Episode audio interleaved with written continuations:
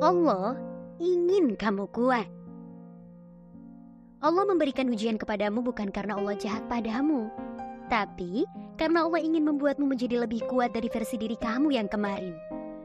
Dan ujian yang diberikan kepadamu gak mungkin melebihi kesanggupan dirimu karena Allah sendiri yang berkata di surat Al-Baqarah ayat 286 yang artinya Allah tidak membebani seseorang melainkan sesuai dengan kesanggupannya. Ujian yang saat ini sedang kamu rasakan pasti masih dalam batas kesanggupanmu kok. Mungkin waktunya aja yang butuh lebih lama.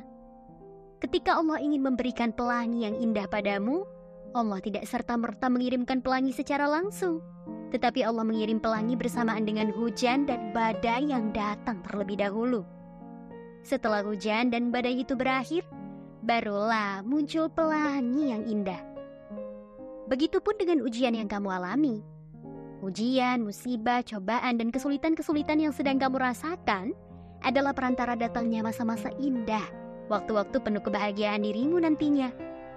Kalau kita nggak dikasih ujian dalam hidup, sementara kita banyak berbuat dosa dan ibadah-ibadah yang kita jalani masih banyak kurangnya, lantas dengan cara bagaimana kita bisa pergi menuju surganya Allah?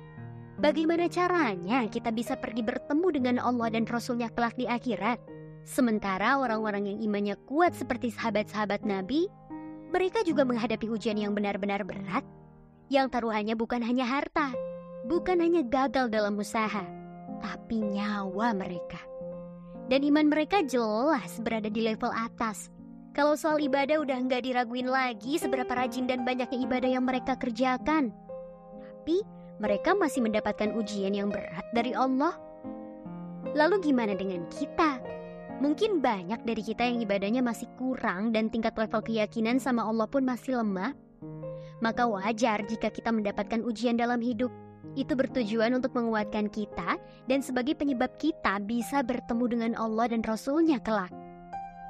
Bukan berarti dengan semakin tingginya level keyakinan kita sama Allah, maka kita dijauhkan dari ujian-ujiannya.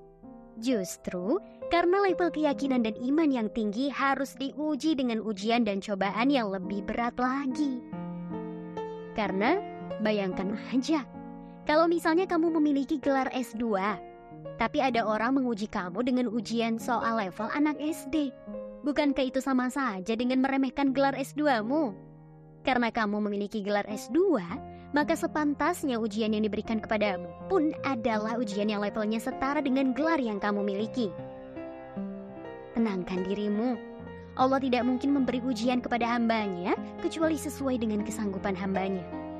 Allah juga berkata dalam surah Al-Imran ayat 139 yang artinya, Janganlah kamu bersikap lemah dan janganlah pula kamu bersedih hati, padahal kamulah orang-orang yang paling tinggi derajatnya jika kamu orang-orang yang beriman.